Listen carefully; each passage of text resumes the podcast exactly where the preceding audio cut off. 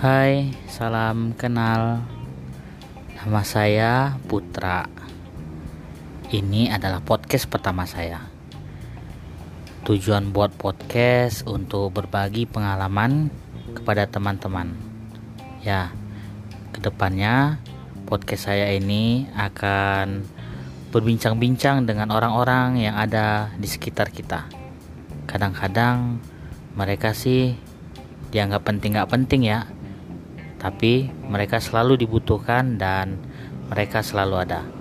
Siapakah itu? Ikuti terus ya podcast saya.